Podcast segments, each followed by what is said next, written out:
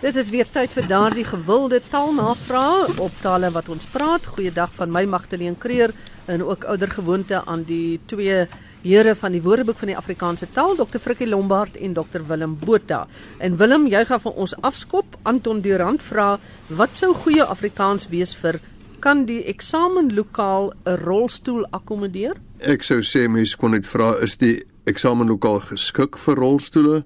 Het dit het die lokaal plek vir rolstoele of is dit rolstoelvriendelik? Maar dan het hy ook 'n tweede vraag. Hy sê wat is nou reg en wat is verkeerd? Ek doen so meneer of moet jy sê ek maak so meneer?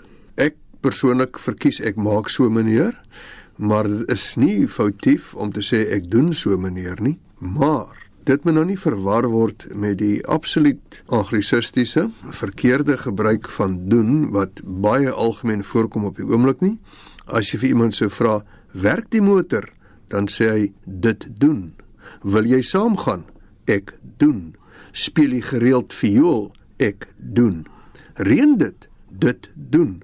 "Neem jy hierdie vrou as jou wettige eggenoot?" Ek wag vir daai ek doen. Soos die Engelse I do. Dit is ja of dan nou nee. Op al hierdie vrae is die antwoord eenvoudig ja of nee. So hierteen maak ons ten sterkste beswaar. Dis beslis volgens die Engelse model.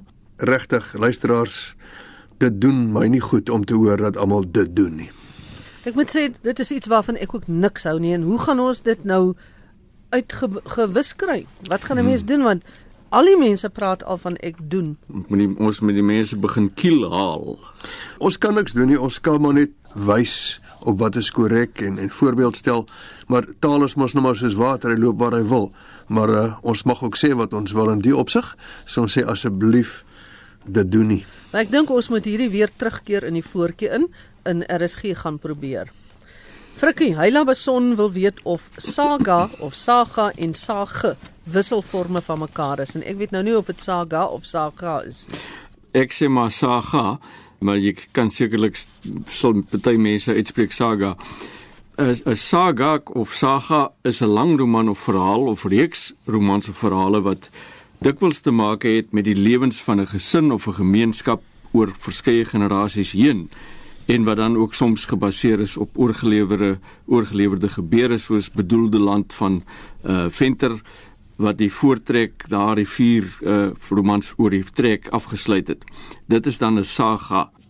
Die tweede betekenis wat wat dit het, dis 'n epiese verhaal in die oud-Noorse literatuur, gewoonlik in prosa vorm, wat dan te maak het met gebeure in die lewens van historiese en mitologiese figure tydens die middeleeue in IJsland, Noorwe uh, en die omliggende lande. 'n Sage aan die ander kant is 'n volksoorlewering, dikwels met 'n geromantiseerde historiese basis waarin daar gewoonlik 'n held is wat figureer en wat soms ook 'n onderliggende boodskap of sedeles bevat. Waar die dinge dikwels met mekaar verwar word is 'n uh, in die tweede betekenis wat wat sage het en dit is soal vir uitgebreide reeks gebeure of persoonlike ervarings wat oor 'n bepaalde tydperk strek of 'n gedetailleerde beskrywing daarvan uh wat ook soms bietjie sensasiewekkend ervaar word en wat gewoonlik die aandag dan van die publiek aangryp. Nou daar word sage en saga beteken met mekaar verwar. Ek sal maar sê die eerste twee betekenisse soos wat ek dit aangebied het, die lang roman of die epiese verhaal is saga en sage is so volksoorlewering met geromantiseerde historiese basis. Ehm um, en probeer tog maar die uh, die onderskeid tref tussen die twee asseblief. Dan die volgende vraag gaan oor stent. En dit is nou as mense na hospitaal toe gaan en sê die dokter het 'n stent vir my ingesit. En Elsje Diener van Stellenbosch vra, is hierdie stent S T E N T Afrikaans?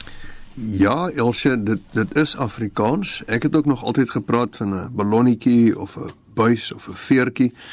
Maar uh, dit is baie interessant. Die woord stent is eintlik 'n eponiem of 'n eponiem. Aan die ander woorde dis 'n woord wat teruggaan op die naam van 'n persoon. Epo beteken op, is Grieks en onoma beteken naam. So dit gaan terug op 'n naam. En die persoon wat hier betrokke is is 'n Engelse tandarts met die naam van Charles Stent. Hy was in die 19de eeu 'n tandarts in Londen En hy het onder die handelsnaam stent het hy 'n plastiese materiaal, 'n kneebare materiaal uh ontwerp om tandafdrukke mee te maak. Dis nog steeds daardie papmassa wat hulle in jou mond plaas by die tandarts om jou gebit uh afdruk daarvan te maak. Dit kan jy nog steeds 'n stent noem. Maar die pasta het later 'n toepassing gevind in die plastiese chirurgie, veral by veloorplantings.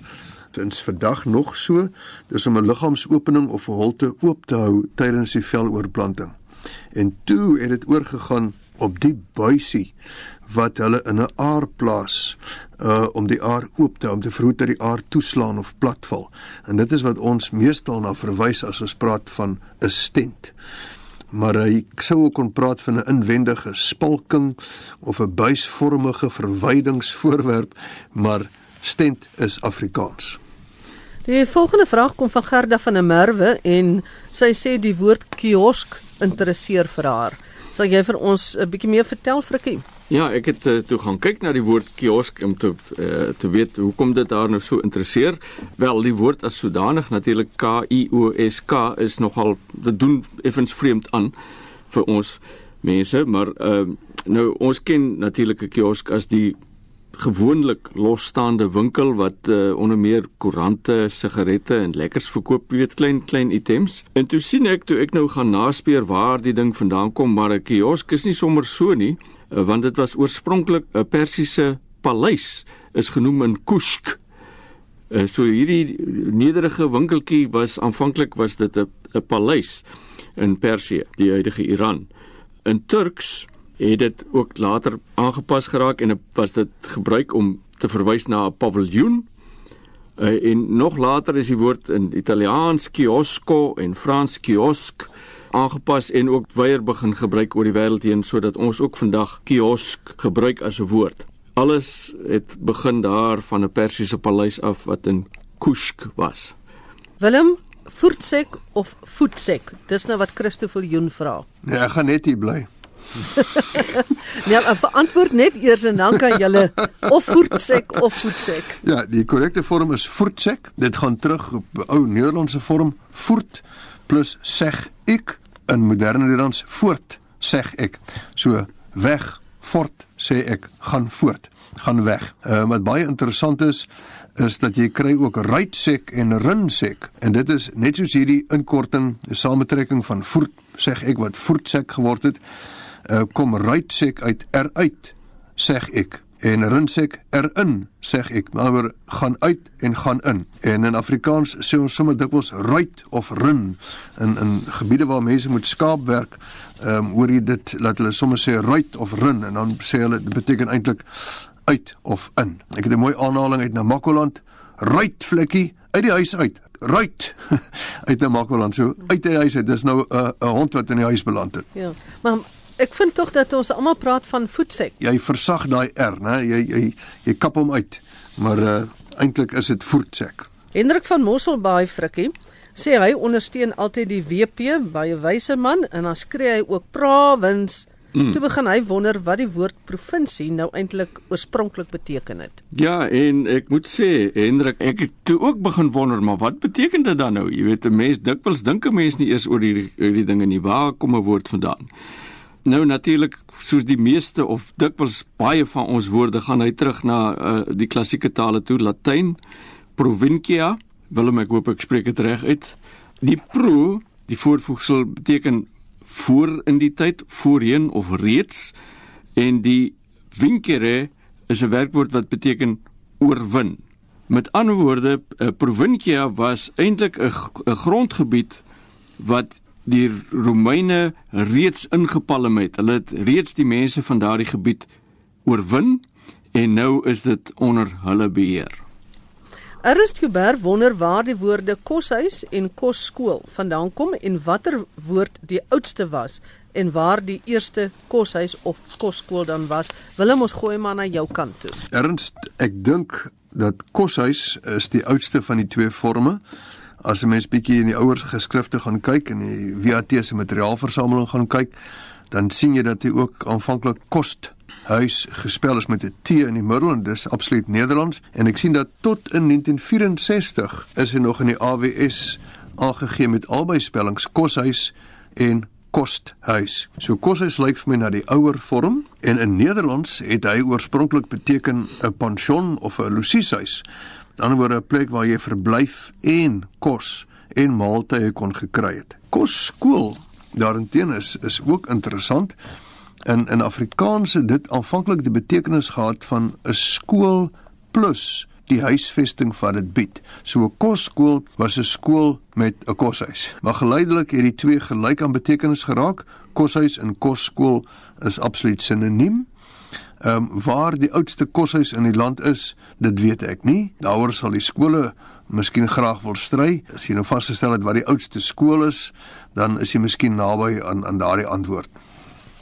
Dan is hier 'n navraag oor wat beteken Vatikaan? Is iemand wat in, in Rome by die Vatikaan uh besoek afgelê het, dit laat dink my nou aan provinsie wat ons net te gedoen het, wat 'n mens mos die prinsipaliteit noem, né? Wanneer jy van die hele Vatikaan provinsie of stad praat. Yeah. Nou wat beteken dit waar kom hierdie woord vandaan?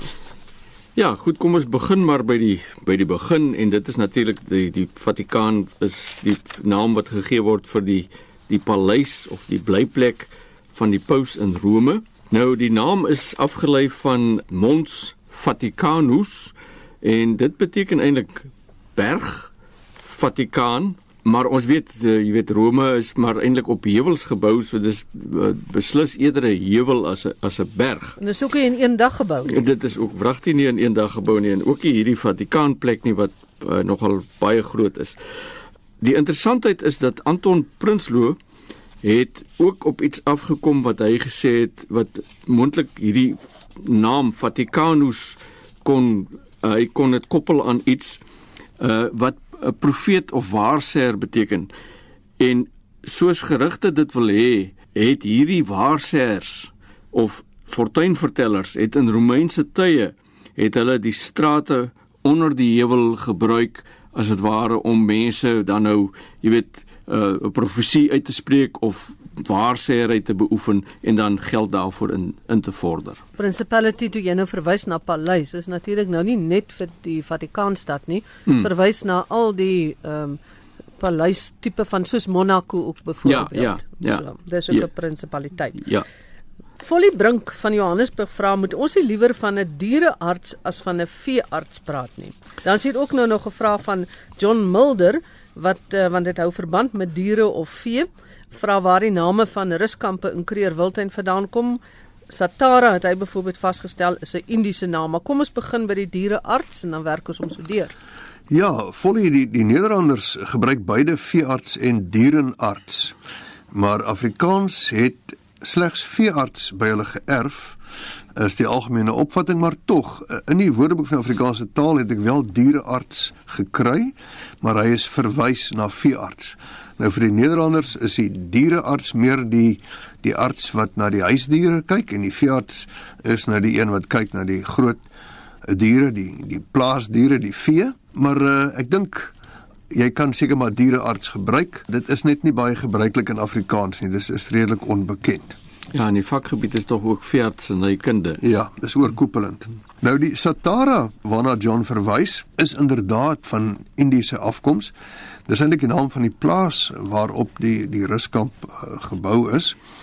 En die Satara is is 'n halwe verkeerde spelling van 'n Hindi woord, met ander woorde Indies.